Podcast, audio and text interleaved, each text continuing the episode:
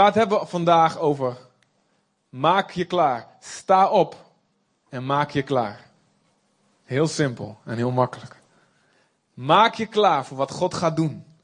Maak je klaar voor wat God wil doen in jouw leven.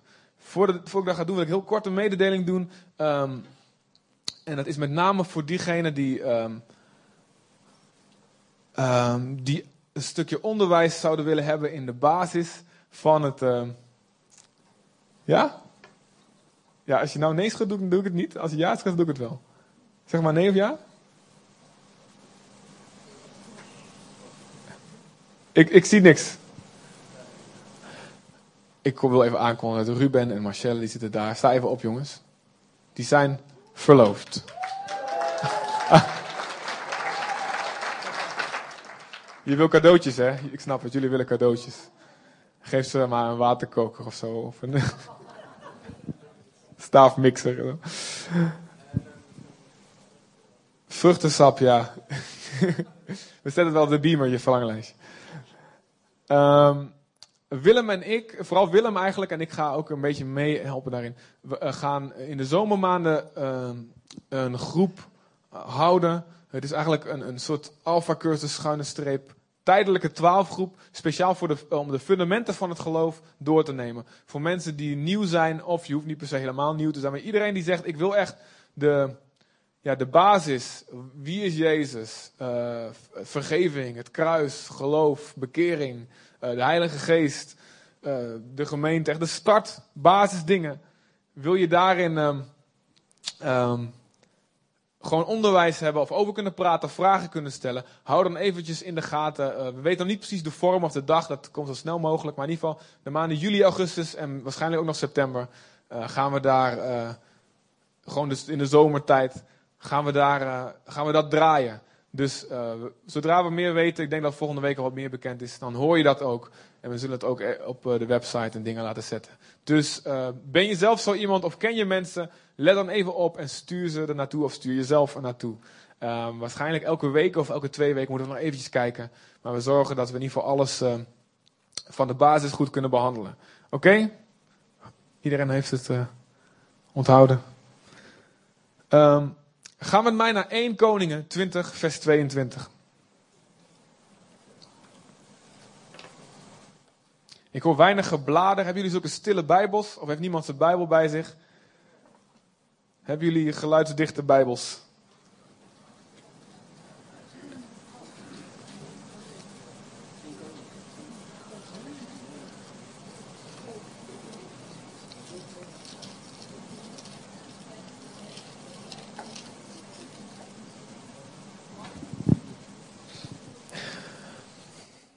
1 Koningen 20.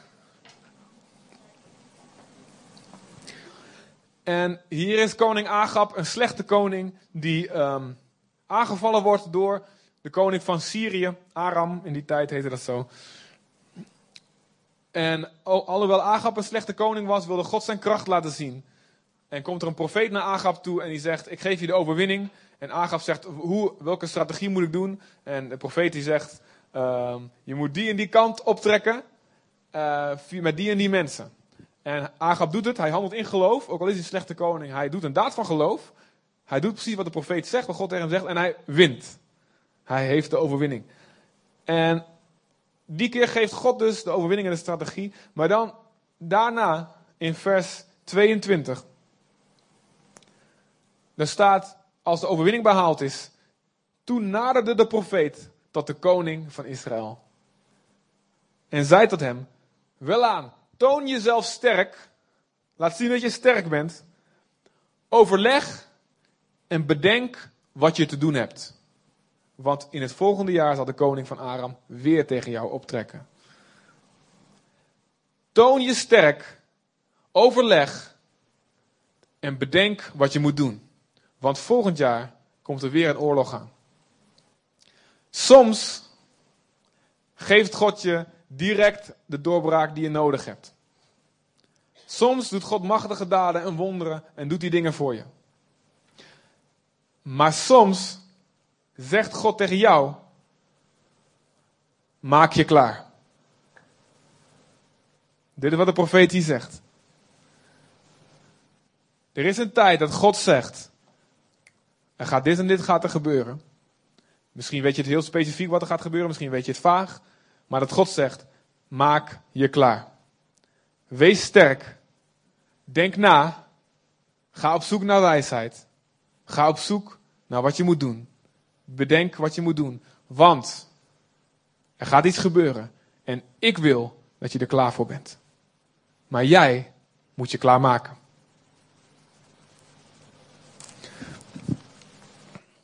God heeft een plan. In Efeze 2, vers 10. Je mag het opzoeken, maar het hoeft niet. Daar staat dat we Gods maaksel zijn. Wij zijn gemaakt door God.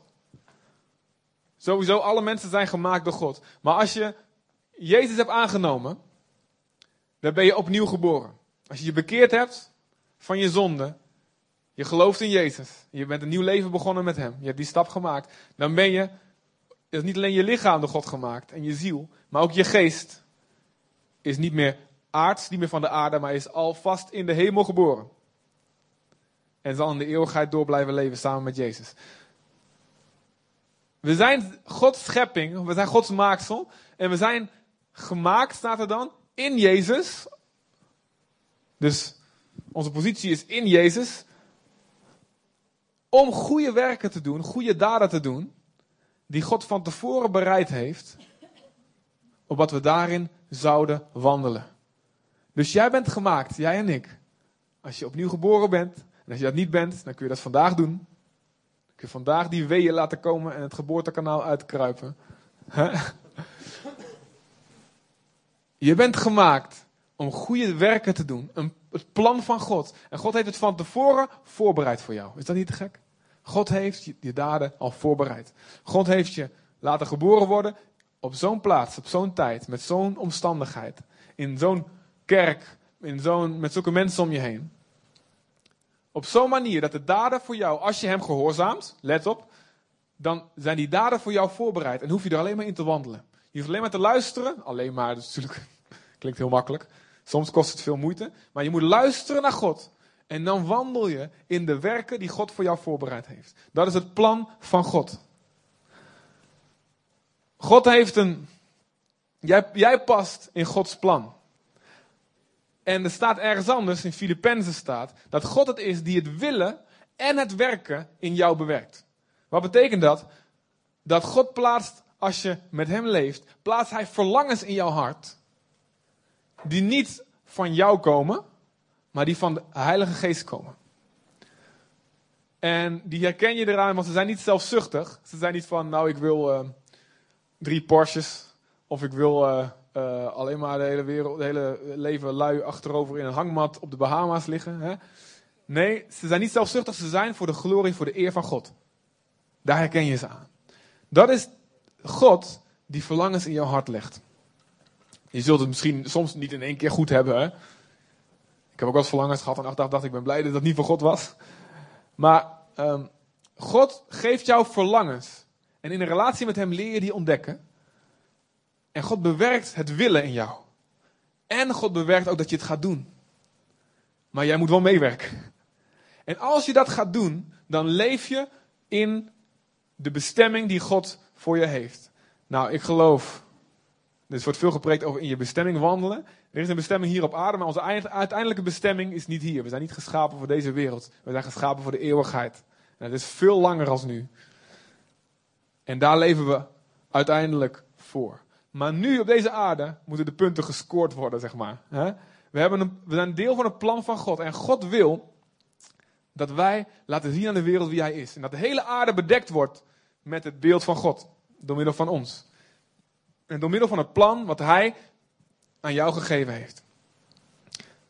Dus als jij wandelt in dat plan, in die werken die God voorbereid heeft, dan kan jij je bestemming vervullen. En eigenlijk is dat ook de visie van, de, van, de, de visie van ons als gemeente. De visie van ons als gemeente is eigenlijk eh, niks anders dan de optelsom van de dromen van jullie allemaal. Die verwezenlijkt worden.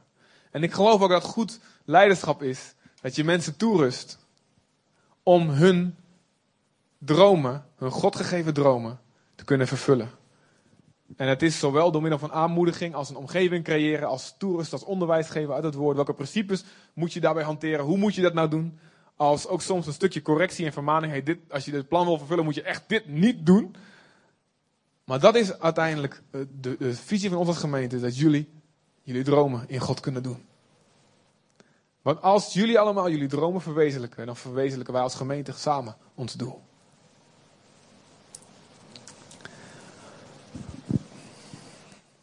Er staat in Handelingen 13, vers 36. Dat is ook weer een heel klein stukje.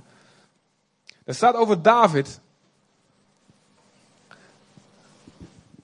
In een heel, in een heel lang verhaal die ge, gepreekt wordt door Paulus. Dan heeft hij het eventjes over David. En dan zegt hij iets heel stiekems tussendoor. Waar je echt voor moet opletten om het eruit te halen.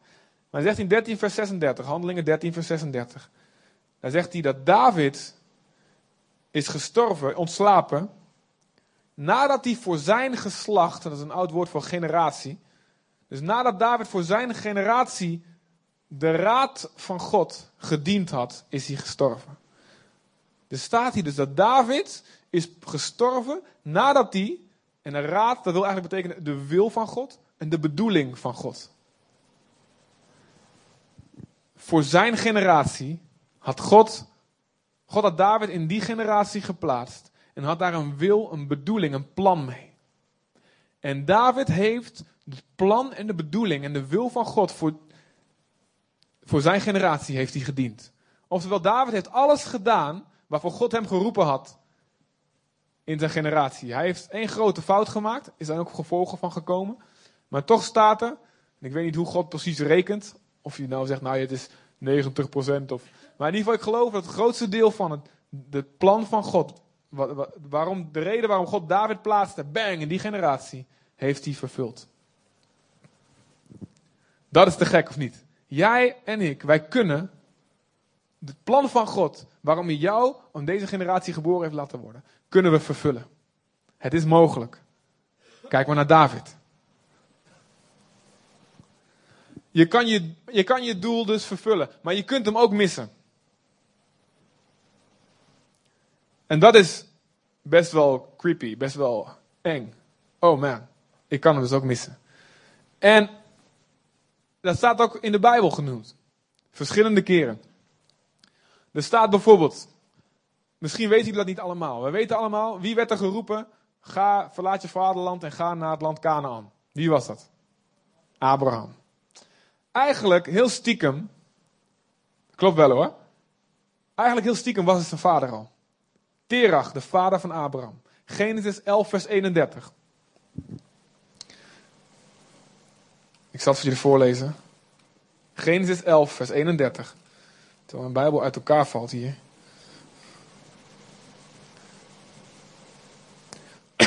Er staat, en Terach nam zijn zoon Abraham en Lot, zijn neefje, en Sarai, zijn schoondochter. Dat staat niet in de Bijbel, ik parafraseer even. En hij deed, Terach deed hen wegtrekken uit Ur van de Galdeeën om te gaan naar het land Canaan. Hé. Dus de vader van Abraham, die nam zijn familie al mee om te gaan naar het land Israël. En wat gebeurt er? Zij kwamen te Haran, dat is halverwege, en ze bleven daar. En vervolgens in hoofdstuk 12 roept God Abraham en zegt: Abraham, doe jij maar wat je vader niet heeft afgemaakt.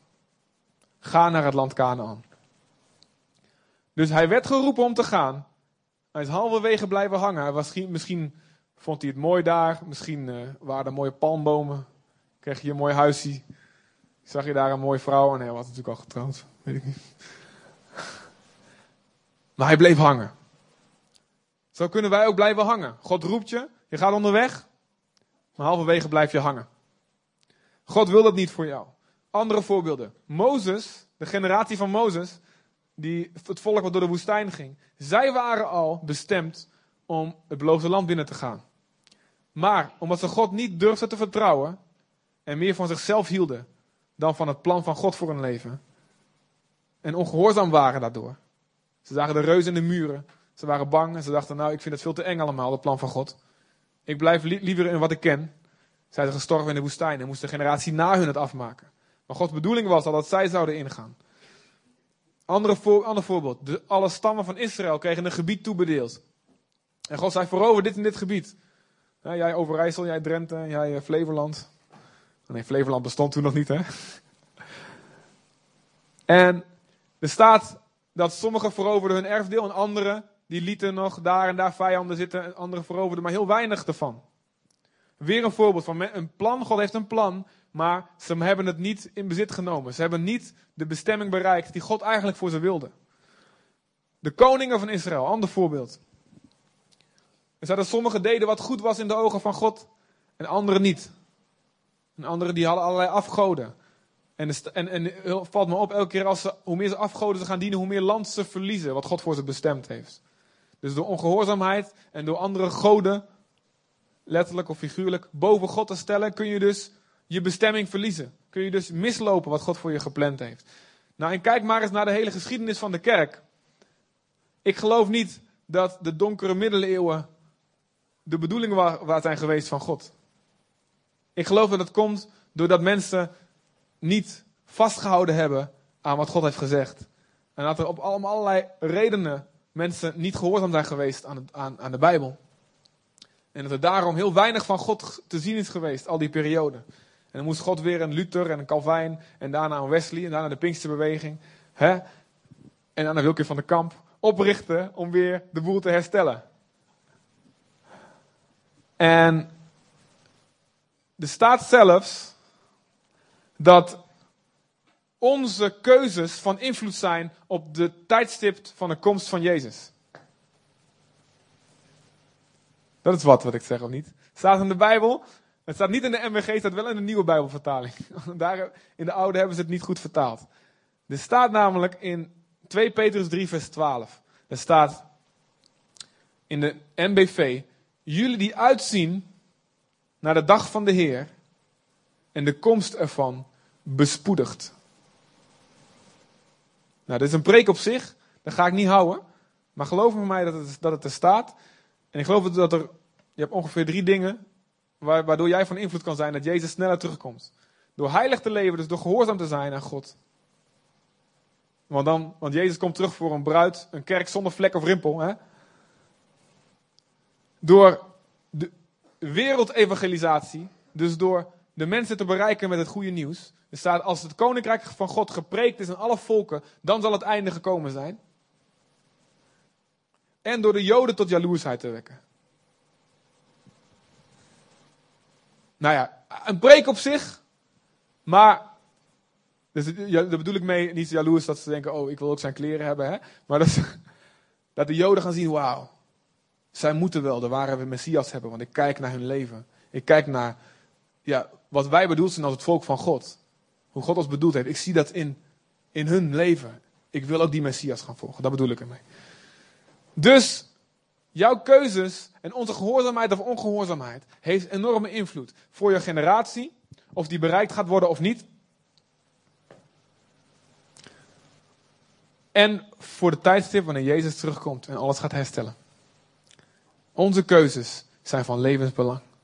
Het plan van God en als we op zoek zijn naar het plan van God of de wil van God voor je leven. Het is niet zozeer, het is niet zoiets van je gaat op een middelbare school, je gaat er bij de decaan zitten, oh ja, ik wil een opleiding kiezen of wat. Dat is allemaal, het is natuurlijk heel belangrijk.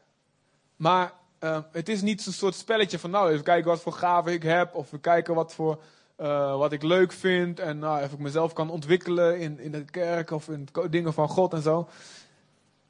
Maar het is ontzettend belangrijk of jij je doel bereikt of niet. Voor jezelf, voor de mensen om je heen en voor de tijdstip dat Jezus terugkomt. Dus zouden we ontzettend gemotiveerd moeten zijn en zeggen: God, ik wil niks missen van het plan van u voor mijn leven. Ik wil niks missen. Ik wil alles in bezit nemen. Ik wil het hele land in bezit nemen. Ik wil, niet, ik wil helemaal naar Canaan gaan. Ik wil niet halverwege blijven hangen, omdat ik het wel zo makkelijk vind. God heeft een plan voor je leven. En de wereld en, en, en iedereen de hele schepping schreeuwt erom. Ga in je bestemming staan. Ga staan in dat plan wat God voor je heeft. Wij wachten op de zonen en dochteren van God die tevoorschijn komen, die openbaar worden. Romeinen 8. Wij schreeuwen erom. Ga het plan van God vervullen. Colossense 4, vers 17. Daar zegt Paulus tegen Archippus: Zorg ervoor dat je de bediening die je aanvaard hebt, dat je die ook vervult. Dus het gaat dus niet automatisch goed of fout met dat plan van God voor je leven. Wij moeten zorgen dat we het vervullen. Wij hebben een deel en God heeft een deel. En als wij ons deel doen, doet, dan doet God zijn deel. Als wij doen wat mogelijk is, dan doet God wat onmogelijk is. Als wij het kleine beetje broodjes en visjes wat we hebben, wat niet veel lijkt, wat we, wat we kunnen geven aan God, dat lijkt niet veel. Als wij dat geven aan God, wij doen ons deel, dan doet Jezus het bovennatuurlijke deel. Hij maakt er voeding van voor 5000. Maar wij moeten wel ons deel geven. Anders heeft Jezus niks om te vermenigvuldigen. Snap je? Anders heeft Jezus niks in handen om wonderen mee te doen. Dus je moet jouw deel doen. Je moet doen wat jij kan doen. En wat je niet kan doen, maak daar maar geen zorgen over. Daar bid je voor en God, dat doet God.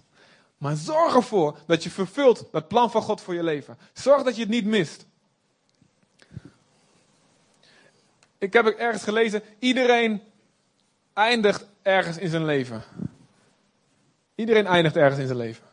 Alleen sommigen eindigen ergens expres. Engels, Engels klonk het mooi, ik heb het Engels gelezen. Everybody ends up somewhere. But some, some people end up somewhere on purpose. Je kunt je mee laten kabbelen, mee laten varen door wat, wat het leven je brengt. Nou, ik ga maar lekker mee. Oh, er gebeurt dat. Oh, er is een economische crisis. Ik ga daarin mee. Oh, en er is dit en dit. Dat kan. En dan eindig je gewoon waar het leven je gebracht heeft. Maar je kunt ook zeggen: Ik ga met, met mijn, relatie, met mijn relatie met God ga ik zoeken naar wat Gods plan voor mijn leven is. En ik ga bewust leven. Ik ga stappen zetten. Ik ga me klaarmaken voor het plan wat God met me heeft. En dan zul je achteraf niet hoeven terug te kijken en spijt hebben van, man, wat heb ik mijn leven eigenlijk gedaan? En in de eeuwigheid terugkijken, man, ik had maar 80 jaar. Of 120, zoals sommigen hebben daar geloof voor. Ik ook wel hoor. En ik heb me een beetje mee laten kabbelen door die stroom hier en de stroom daar. Ga staan in het plan van God voor je leven. Maak je klaar. Maak je klaar. Sta op en maak je klaar. Droom grote dingen voor de eer van God. Ga bidden. Ga zoeken. Sta op. Doe iets. Maar blijf niet stilzitten. En ga samen met God. In je binnenkamer. Of in de natuur. Of waar je ook zit. Waar je met God kan praten. Ga met hem praten. En ga met hem praten over hoe, dingen, hoe de dingen eruit zouden kunnen zien. Kijken naar situaties om je heen. Hoe zou het eruit kunnen zien? God, wat wat, wat zegt uw hart? Ik voel uw hart kloppen. Wat, wat zegt dat? Als ik met uw ogen kijk naar die situatie, hoe zou het er eigenlijk uit kunnen zien? En niet alleen hoe zou het eruit kunnen zien, hoe zou het eruit moeten zien? Ga ontdekken wat de wil van God is voor situaties om je heen. Of misschien een situatie heel ver weg. Ga grote dingen dromen voor God. Ook al denk je, ik kan niks. Denk aan dat jongetje met die broden en die vissen. Je hoeft niet veel te geven, maar geef wat je hebt. En God maakt er iets groots van. Ga denken, hoe zou, hoe zou je persoonlijk leven eruit kunnen zien? Wat zou er anders moeten? Daar moeten we mee beginnen. We kunnen wel de wereld wil veranderen, maar zoals het tegeltje bij je oma op de wc zegt, hè, verbeter de wereld, begin bij jezelf. Of hebben jullie niet zo'n oma?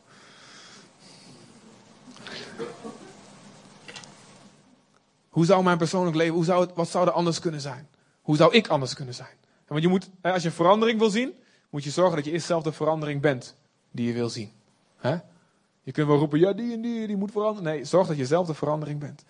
Er moet meer liefde zijn in de gemeente. Zorg dat je zelf meer liefde bent. Amen. Er moet meer aanbidding zijn. Zorg dat je zelf meer aanbidding bent.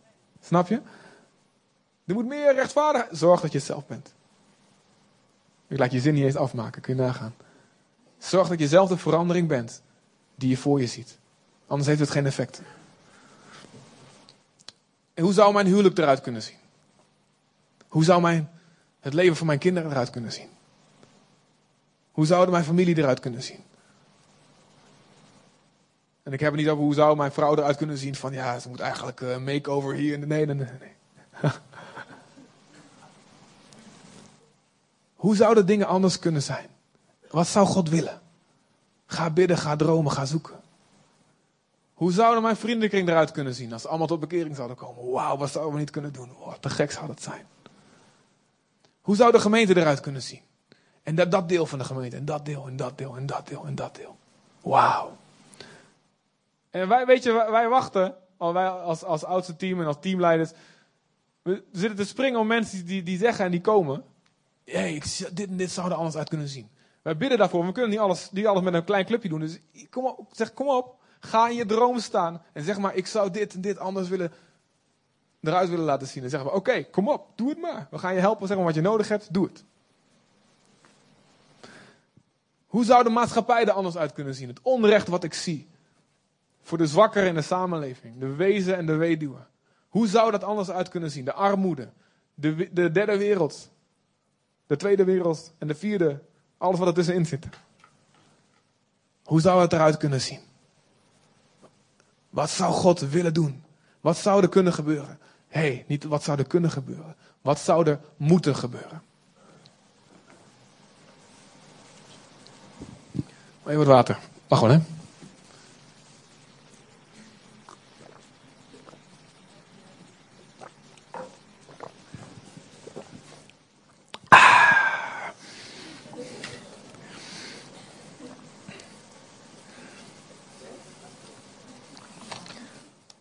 Alles begint met een droom. Alles wordt twee keer gemaakt. Deze zaal is twee keer gemaakt. Eén keer in het echt, met bouwvakkers. Maar één keer in de gedachten van iemand die het voor zich zag. Die ervan gedroomd heeft, zo te zeggen. Eh, die stoel is twee keer gemaakt. In het echt door een timmerman. En degene die hem ontworpen heeft, hier.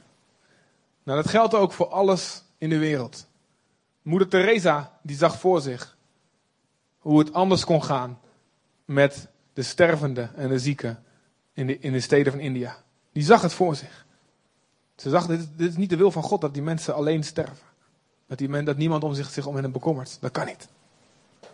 Ik ga. Ik ga dromen met God en ik ga er wat aan doen. Ik ga me klaarmaken en ik ga. En nu staat het er. hetzelfde geldt voor al het goede wat je in de wereld ziet. Wat door mensen heen gebeurd is. is het is twee keer gemaakt. De eerste keer was hier. In een relatie met God. Het bidden, het dromen, het nadenken. En misschien waren er heel veel mensen die zeiden dat kan helemaal niet. Dat is onmogelijk. Dit kan je niet doen. Dit is nooit eerder gedaan. Maar diegenen die God geloven voor het onmogelijke. De hele hemel en aarde bewegen zich met hem mee. En die staan achter. Wat is jouw droom? Waarvoor heeft God jou geroepen? je kent allemaal die uitspraak wel van de begraafplaats is de rijkste plek eigenlijk van de aarde. Hè? En daar liggen alle dromen begraven die nooit zijn uitgekomen, die mensen niet gedaan hebben.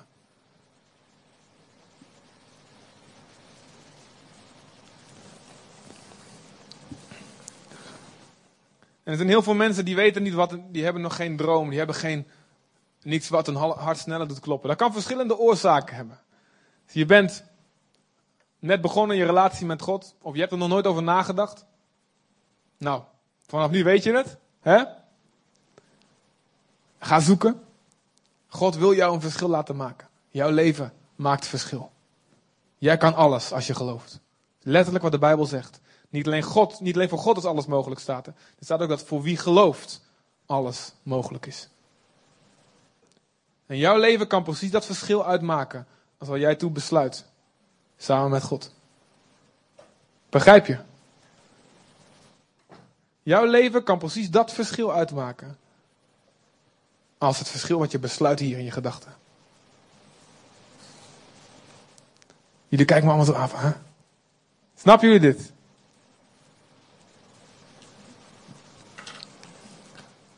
Over de, nou, of je hebt, er nooit over nagedacht, of het is je geleerd om niet te veel van jezelf te denken. Doe maar gewoon, doe gek genoeg, hè. Als je kop boven mij valt uitsteekt, dan uh, doe maar normaal, hè. Doe wij toch ook? Denk jij nou echt dat dit en dat? Of wat gemene? Jij kan helemaal niks, je zult nooit wat bereiken in je leven. Of het leven, zogenaamd, heeft je geleerd. Doe maar niet, doe maar niet te gek. Lukt toch niet? Je bent teleurgesteld geraakt. Je bent misschien begonnen met een droom. Waarom zijn heel veel idealisten zo jong? Ik wil een eeuwige idealist blijven. Ik word volgende week 30, halleluja. Ik ben nog steeds, weer in decennia, een idealist gebleven. Decennium, sorry.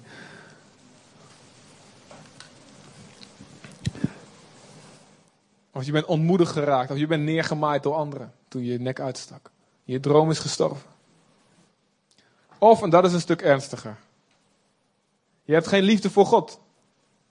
Of je hebt je liefde voor God ben je kwijtgeraakt. En daardoor ben je onverschillig geworden. Je liefde voor jezelf is groter. Of groter geworden. Waardoor je het wel goed vindt zo. Ja, dat is wel goed. Ja, we zouden wat dingen anders kunnen, maar ja. Ik ga liever voor mijn eigen carrière of mijn eigen gezelligheid, feestjes. Ja, ja, ga naar de kerk, leuk. Maar je bent onverschillig geworden. Je, hart huilt niet meer om de mensen die verloren gaan voor eeuwig, omdat ze Jezus niet kennen. Je hart huilt niet meer om het onrecht wat, wat je om je heen ziet. Je hart breekt niet meer als je ziet dat er dingen zijn in de gemeente van Jezus, hier of wereldwijd, waarvan je denkt dat moet, dat kan beter. Je wordt niet meer geraakt als je aan het bidden bent, het is plichtmatig. En je bent niet meer vol van passie, geraakt door wat God wil. In brand gezet met het hartstocht, met het vuur van God, van dingen die anders willen. Je hebt niet meer de ogen van God gezien de laatste tijd, of misschien nog nooit. Waarin je de liefde voor mensen af kan lezen. En die liefde die steekt jou aan, waardoor niet alleen zijn ogen vurige ogen zijn, maar die van jou ook. Omdat je vol bent van passie voor dingen die anders zouden kunnen. Nee, die anders zouden moeten. Waar ligt jouw liefde? Waar ligt jouw hartstocht?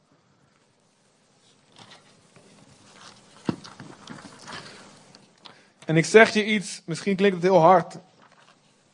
Nou, misschien ook niet hoor. Maar ik zeg je, toen je je leven aan Jezus gegeven hebt, heb je, op dat moment heb je geen rechten meer voor jezelf. Een recht op je tijd, recht op je geld, recht op je lichaam, recht op je eigen keuzes maken. Je hebt gezegd, hé, hey, ik ga een kopje onder in dat water met de doop. En mijn rechten zijn van Jezus. Jezus mag kiezen. En ik ben zijn eigendom. Waarom? Ik was dood in mijn zonde. Jezus heeft me levend gemaakt. Heeft me helemaal gekocht en betaald. Ik kan niet meer doen wat ik zelf wil. Hé, hey, ik wil eigenlijk ook gewoon één keer andere dingen. En het recht om te leven zonder een droom, dat heb je niet. Je hebt geen recht om te leven zonder visie, zonder een passie. Snap je? Je hebt geen recht om voor jezelf te leven. Hey, God is genadig en geduldig en die helpt je op weg, weet je wel. En die leert je. Hè? En die bemoedigt je soms. Maar eigenlijk heb je geen recht op voor jezelf te leven. Je bent gekocht en betaald. Dus die bestemming van God, dat is jou. Dat is jouw ding. En voor ik verder ga, begrijp me goed. Het gaat niet alleen om dingen doen of projecten doen of, of, of prestaties, daar gaat het niet om. Want bijvoorbeeld het liefhebben van God, dat is al, alleen al je bestemming. Het liefhebben van elkaar. Dan wandel ik meteen in mijn bestemming als ik mensen lief heb. Dan doe ik nu mijn bestemming. Dus ik heb het niet alleen over dingen doen. Ik heb het over dingen zijn. Maar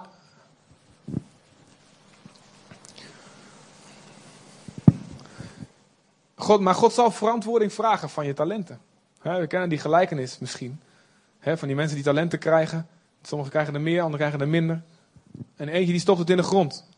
En, en, en de meester komt terug en die zegt: Jij slechte en luie slaaf. Waarom heb je het in de grond gestopt? Je had het op, op de bank kunnen zetten om rente te vangen. En wat ik heel schokkend vind, en dan moet je thuis maar eens lezen en over nadenken. Die slechte luie slaaf die gaat naar de hel. Nou zeg ik niet dat je, dat je meteen naar de hel gaat als je een dagje voor jezelf leeft. Of dagje. Hè? Dat, daar heb ik het niet over. Daar moeten we ook niet zo op die manier over nadenken. Maar het gaat over mensen die misschien wel beleiden dat ze Jezus volgen. Maar eigenlijk meer van zichzelf houden. En met hun daden niet doen wat ze zeggen dat ze geloven. Maar laat angst niet je motivatie zijn. Laat liefde voor God je motivatie zijn, je vooruit brengen. Zeg, Heer, ik hou zo van u. En ik hou zo van de mensen om me heen en de mensen die u niet kennen. Ik wil me klaarmaken voor een bestemming. Nou, en belangrijk is ook, we kennen dat spreekwoord wel van de beste stuurlui staan aan wal. Hè? Die staan aan de kant en nou, je zou zo moeten varen, dit en dat. Hè? En heel veel mensen die zien wel een verandering voor zich. Dit zou moeten gebeuren. Maar het verschil tussen mensen die echt wat bereiken, is dat die mensen zien zichzelf een verandering maken. Die zien alleen dat dat en dat zou anders kunnen, dat en ze wijzen overal om zich heen. Maar je moet jezelf zien. Wat, kan, wat voor verandering kan ik maken in die situatie? Er zijn ook heel veel mensen die wachten. Ja, ik heb wel een droom van God. Ik heb wel iets wat ik zou willen doen. Of waar ik naartoe zou willen gaan. Of um, ja, wat zou kunnen veranderen. Maar die wachten af. Die wachten op een grote moment. Die wachten op een grote dag. Als die gelegenheid komt, dan. En tot die tijd wachten ze af en doen ze niks. Nou, ik denk misschien, er zijn sommige mensen die de loterij winnen, maar het zijn er niet veel. Hè? En voor mensen die wachten, nou, op een dag dan zit ik in de dienst en dan komt er iemand en die roept me naar voren en die zegent me in één keer in voor precies dat wat ik wil doen. Het gebeurt soms, heel soms. Maar weet je wat een veel betere tip is? Zorg dat je klaar bent. Zorg dat je voorbereid bent. Ook al kan je nu misschien nog niet die stappen zetten die jouw droom in vervulling laten komen. Die die verandering zouden brengen. Ook al kan je dat misschien nu nog niet doen. Ga je klaarmaken. Zodat als het moment komt, dat je klaar bent. Ik ken een verhaal van iemand die wilde een eigen bedrijf beginnen. Alleen, die had er nog helemaal, ja, je hebt een startkapitaal daarvoor nodig, zeg maar. En die werkte nog gewoon bij een baas. En, um, en die, uh, die, die was altijd netjes, netjes gekleed. Was een vertegenwoordiger of zoiets was hij. Maar zijn auto was echt een oude brik. Echt een oude bak. Sloeg helemaal nergens op. Heel nette man. En uh, representatief moest hij zijn. Maar die auto was zo, ja, dat was, sloeg, dat was echt uh, een Lada. Of een, wat is dat? Wat heb je allemaal tegenwoordig voor... Uh, een Fiat wat? Multifla? Fiat Multifly of zo, hoor ik daarachter. of, uh, nou, Jin is er niet, ik zal niet over zijn auto hebben. Herman, oh, wat is dat voor auto dan? of mijn oude, oh, precies, ja, maar die was zo kapot, die kon, kwam niet door de keuring. Um, dus die reed zo in zo'n soort auto. En toen hem gevraagd werd van, ja, waarom doe je dat nou? Hij zegt, nou, ik heb een droom. Ik wil op een dag maar een, bedrijf voor mezelf beginnen, hier en hier en hierin. Maar ja, ik heb nu nog niet het geld voor. Dus um, mijn vrouw en ik hebben besloten, we gaan gewoon alles sparen wat we kunnen. Nou ja, mijn kleren kan ik niet op sparen, want ik moet uh, bij de klanten netjes eruit zien en zo. Maar uh, wat ik wel, waar ik wel vrij in ben, is welke auto ik rij. Dus hij reed van die oude brikken de hele tijd. Van die knalpotten dingen. En um, wat gebeurde? Hij kon zo sparen, geld besparen. En zeven jaar later, zeven jaar na dat gesprek, kwam er een gelegenheid. Kwam de, het grote moment. En hij was klaar. Hij was voorbereid. Hij had zich al die tijd voorbereid en hij kon starten. En hij begon een bedrijf en werd succesvol en werden andere bedrijven kwamen erbij. En daarmee wil ik laten zien. Je kunt wachten op de gelegenheid. En soms moet je wachten op een gelegenheid om je dromen te vervullen. Soms kan het niet meteen. je zit vast aan bepaalde dingen, aan een baan of aan verantwoordelijkheden in je gezin of uh, financiële situatie, wat dan ook. Of je, je, hebt nog geen contacten die je daar moeten brengen. En dan kun je zitten wachten. Nou ja, het zal wel komen. Ik wacht erop. En ja, het is geprofiteerd tenminste, dus het zal ooit een keer komen. Je kunt ook zeggen, ik ga me klaarmaken. Ik ga doen wat ik nu kan. Ik ga plannen maken. Ik ga bidden. Ik ga me voorbereiden. Ik ga zorgen dat als er gelegenheid komt, dat ik klaar ben. En heel veel mensen die, als er dan iemand komt die voorbereid is en die pakt zo'n gelegenheid. Heel veel mensen om eromheen die oppervlakkig oordelen. Heb je heel veel mensen van die oordelen oppervlakkig. En die, die zeggen ja, hij heeft geluk gehad. Maar die, die, mens, de persoon zelf, die weet wel beter. Ik heb me al die tijd voorbereid. En toen het moment kwam, was ik klaar ervoor om het te grijpen. Dus zorg dat je klaar bent voor je droom als je het nu nog niet kan doen. Sommigen moeten gewoon nu opstaan en nu gaan. Je weet het zelf als je het bent. Ga ervoor. Wees niet bang. Sta op en doe wat. Sta op en verover de wereld. Voor Jezus alsjeblieft. Hè? Niet voor jezelf. En anderen die het nu nog niet kunnen, is het woord van God. Sta op. Maak je klaar voor wat God wil gaan doen in je leven. Maak je klaar. Nou, hoe kun je je voorbereiden dan? Spreuken 6. We gaan even over het belang van voorbereiden. Spreuken 6.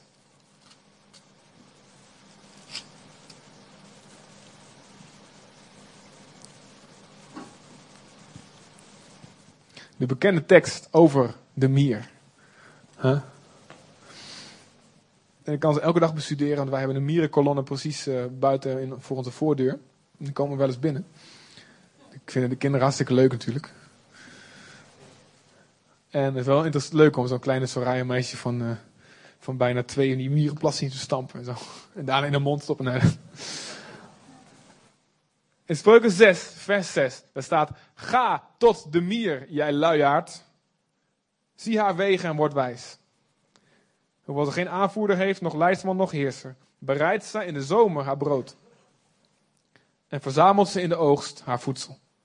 Hoe lang nog, luiaard, zul jij neerliggen? En wanneer zul je opstaan uit je slaap? Nog even slapen en sluimeren, nog even liggen met gevouwen handen. En daar komt uw armoede over u als een snelle loper en uw gebrek als een gewapend man.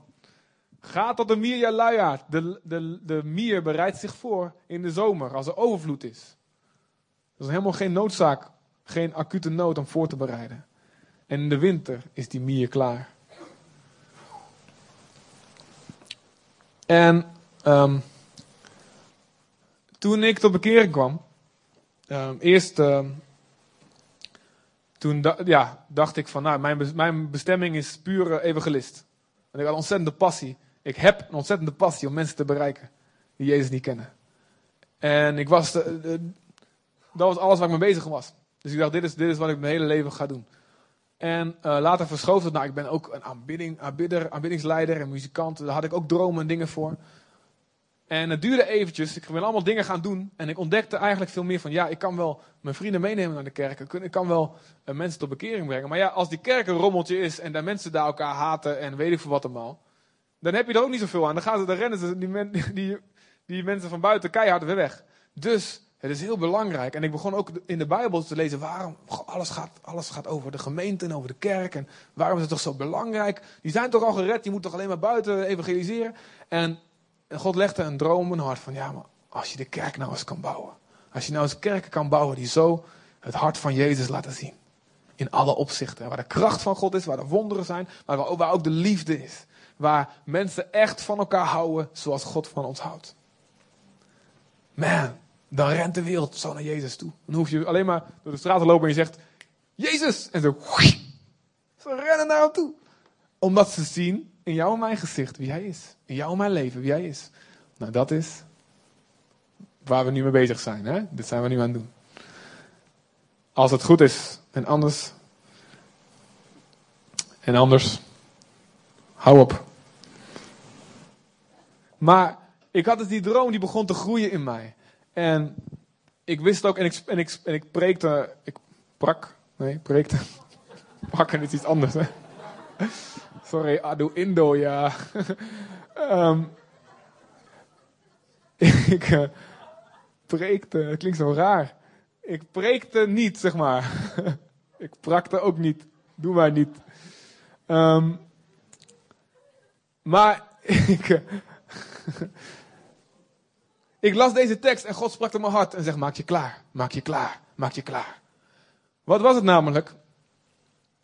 Ik was nog lekker vrijgezel. Ik had een studie waar ik ja, echt niet veel voor hoefde te doen. Ja, het kon wel, maar ik deed het niet. En ik heb ook met zessen alles gehaald, zeg maar. Ehm, geen voorbeeld, niet nadoen, don't try this at home. Hè? Ik wist nog niet beter. En ik bestad alle tijd die ik, die ik over had, die, bestad, die besteedde ik, ach kom op jongens, die besteedde ik aan, aan evangeliseren en bidden en weet ik veel wat dingen voor God doen. Dus ik had heel veel tijd. En God zei tegen mij, bereid in de zomer je brood. Bereid jezelf voor. Lees het woord. Zorg dat je vol bent.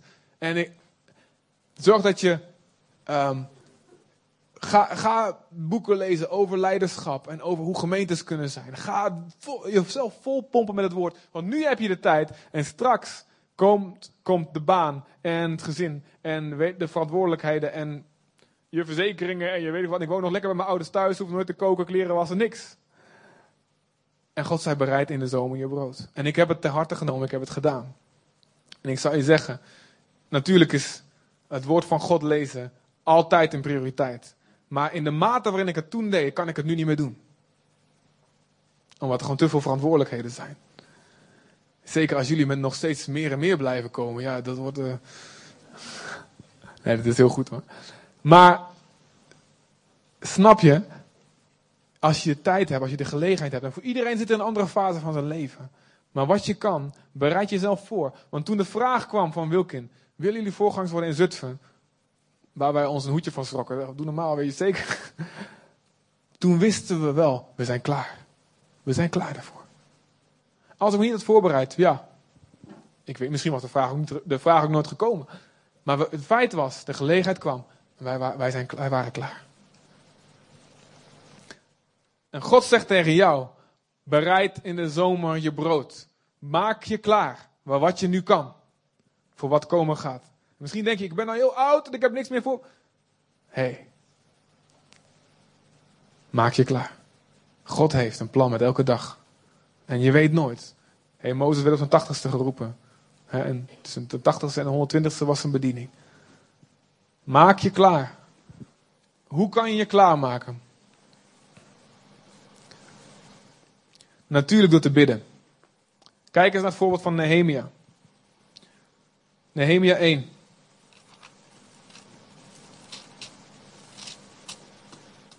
Jullie bladeren echt super stilletjes, echt waar. Zullen geen uh, geluidsoverlast klachten krijgen. Nehemia 1. Daar staat. Uh,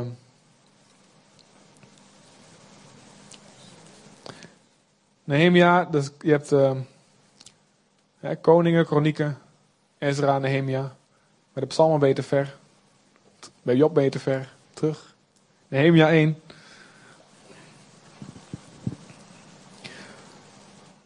Er staat in, vers 1 in de maand Kislev, dat is december. toen kwam tot mij Ganani, een van de mannen uit Juda. En ik vroeg hem naar de Joden, de ontkomenden, die, die uit gevangenschap waren overgebleven naar Jeruzalem. Nou, en hij vertelde dat het slecht gaat met de Joden. Het is de maand december, let op. En dan staat er in vers 4, zodra ik deze woorden hoorde, zet ik me neer huilde ik, weende ik en bedreef ik rouw dagenlang. Ik vastte en ik bad voor het aangezicht van de God van de hemel. En hij begint te bidden. En hij zegt, ik Heer, we hebben gezondigd tegen u. En dan doet hij een heel gebed, en ik kan het nou niet allemaal lezen. Maar dan zegt hij in vers, vers 11, sluit hij zijn gebed af. Zegt hij, ach, heren, laat toch uw oor opmerkzaam zijn op het gebed van uw knecht. Die hem welgevallen hebben aan het vrezen van uw naam. En doe uw knecht, doe mij, zegt hij, doe mij vandaag, doe mij heden slagen, doe mij nu slagen. En laat mij genade vinden, erbarming vinden bij deze man. En heeft hij het over de koning. Hij zegt als het ware, hij hoort het gaat slecht met de mensen in Jeruzalem. Hij hoort dat al de boel is afgebroken. En de muren zijn afgebroken, de tempel en alles. Het gaat heel slecht. Wat doet hij? Het breekt zijn hart en hij gaat bidden, hij gaat vasten, hij gaat huilen. En hij zegt, God, herstel dit, verander. Oftewel, hij zag een situatie die anders moest. Hij had een droom van God. En hij begon te bidden. En te roepen naar God. En misschien ben jij dat ook. En je hoort een situatie, je weet van, weet van een situatie die helemaal anders moet. En God zegt, doe als Nehemia, ga bidden, ga vasten, ga zoeken. Zeg, God, doe er iets aan. En wat zegt hij aan het einde dan? Zegt hij, geef mij toch genade. Want hé, hey, hij was schenker bij de koning. Dus hij moest elke dag de koffie inschenken. Bij de, de koning van het hele Perzische Rijk. Die de baas was over Jeruzalem. En zegt, geef mij genade. Hij zei niet, heer, doe er wat aan en gebruik iemand anders. Hij zei, doe er wat aan, heer, gebruik mij. Gebruik mij. En hij ging bidden.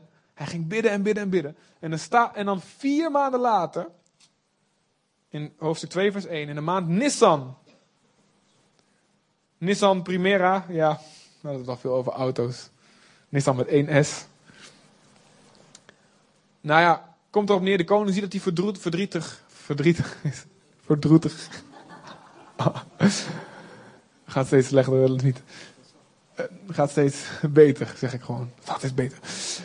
Hij ziet dat hij verdrietig is en droevig is, allebei.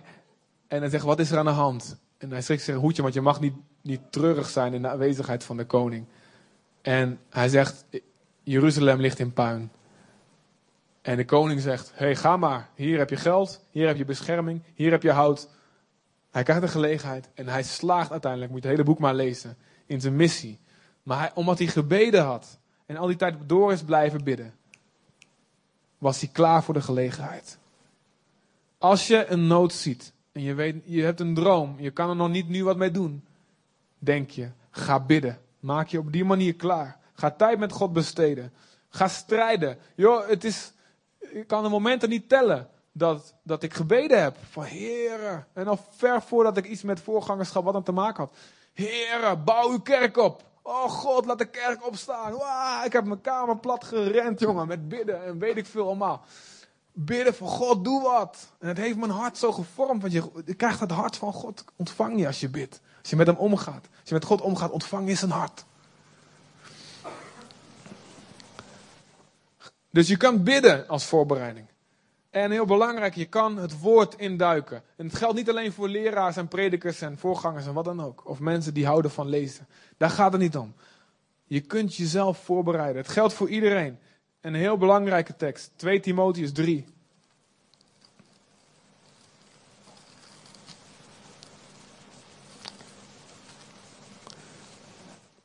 ...2 Timotheus 3 vers 16 en 17.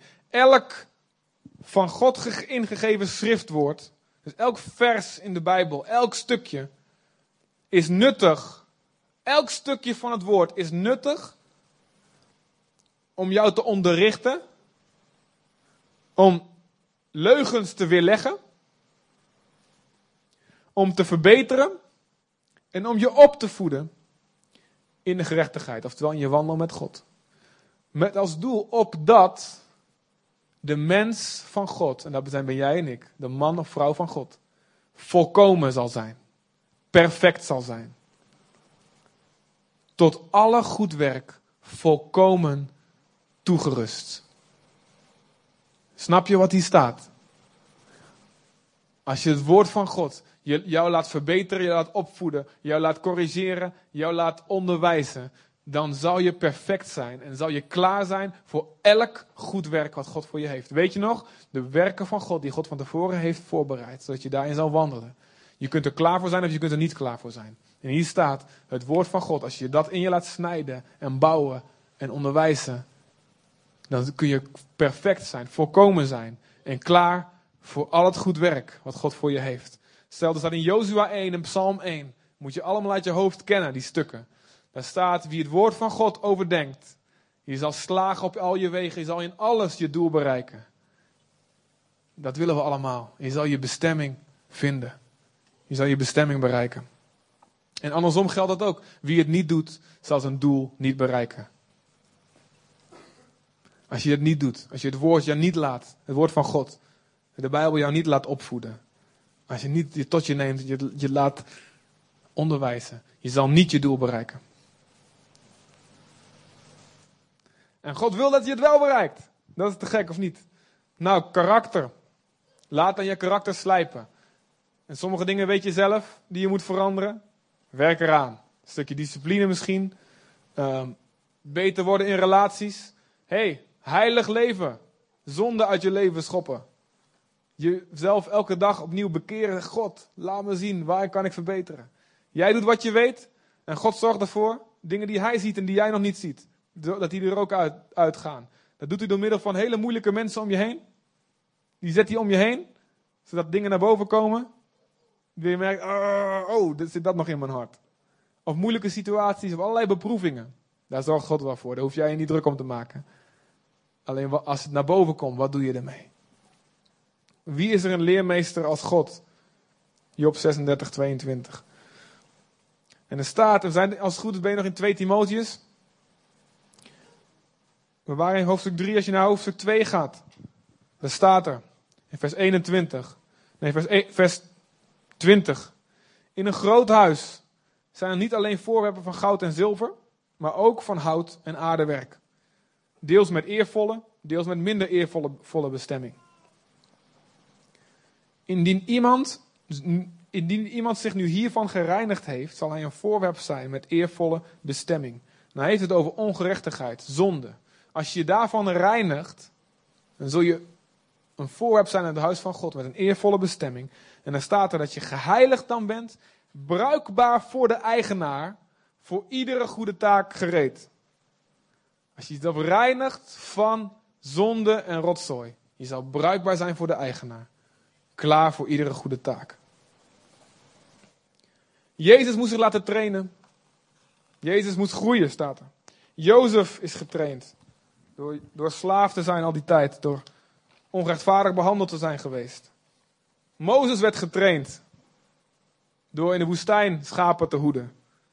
David werd getraind door schapen te hoeden. Elisa werd getraind door Elia te dienen. Jozua, Paulus, ze zaten vol mee. Ze moesten allemaal getraind worden. Laat jezelf trainen. Een laatste dingen die ik wil zeggen om je voor te bereiden. Laatste twee dingen. Bereid jezelf voor voor de plan van God door de droom van iemand anders te dienen. Door iemand anders te helpen zijn droom te vervullen. Lucas 16, vers 12 zegt Jezus: Als je niet trouw bent ten aanzien van het goed van iemand anders, wie zal dan jou hetgene geven wat van jou is? Als je niet trouw bent over wat van iemand anders is, zal God je niet geven wat van jou is. Wees trouw en anderen helpen hun droom te vinden, hun droom te vervullen. En dan zal God zeggen: Oké, die is trouw, ik kan hem ook zijn eigen droom toevertrouwen. Zijn eigen visie, zijn eigen bestemming. En door te dienen onder iemand anders en met een goede houding, pik je hun zalving op. Denk maar aan David en de reuze doders die die produceerden. Denk maar aan Elia en Elisa. Pak aan wat op je pad komt. Pak gewoon aan wat je, waarin je kan dienen, waarin je anderen kan helpen. En het is voor jou voorbereiding. Voor de ander is het, hey, dat is een droom. En als laatste, wees trouw in wat je nu al hebt. David was aangesteld over de schaapjes van zijn vader. En hij droomde van een koning zijn. Hij was zelfs al gezalfd van koning zijn. En er was een grote oorlog en David wou daar bij de actie zijn. Maar hij staat, ging, elke keer ging hij terug naar de schaapjes van zijn vader. Om voor de schapen te zorgen. Hé, hey, dat was mijn verantwoordelijkheid. Hij vond dat niet te klein. Hij vond dat niet te nutteloos. Hij was trouw. Hij was verantwoordelijk over wat God hem gaf. En daarom kon God hem ook het koninkrijk toevertrouwen. De schapen van zijn volk. Dus zorg dat je trouw bent in wat God je nu al gegeven heeft. Iedereen wil vette profetieën hebben en uh, grote woorden en naar voren geroepen en alles. Iedereen wil dat hebben.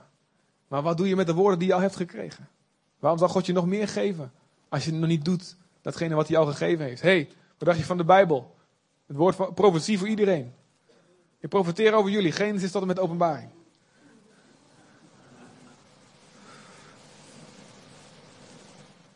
En hetzelfde geldt van ja. Als je een grote man of vrouw van God wilt zijn. Zorg dat je ook in je eigen leven en in je eigen gezin, als je getrouwd bent, de boel op orde hebt. je kunt niet anderen leiden als je niet je eigen gezin kan leiden. Dat zijn dingen die je kan doen om je voor te bereiden. Maar belangrijk is, je bestemming is nu al begonnen. het ligt niet ver weg in de toekomst. Voor God is de voorbereiding erop net zo belangrijk als het doel zelf.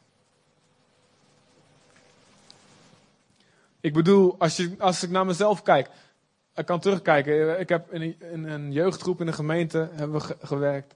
Op de Battled een opwekking meegemaakt en dingen. En ik kan terugzeggen, ik denk, nou, dat is allemaal voorbereiding voor nu. Of misschien zeg ik van, nou, de dingen die ik nog verder droom in de toekomst. Wat we nu doen, de Berea Zutphen is alleen maar voorbereiding. Maar ik geloof niet dat het, dat het zo werkt. Die dingen die, we, die, ik, die, ik, die ik gedaan heb en de dingen die we nu doen. Dit is al bestemming. Dit is al de droom. En hoe trouwer, ik, hoe trouwer ik ben hierover. Hoe trouwer wij zijn over wat God ons nu geeft. Hoe meer God je kan geven.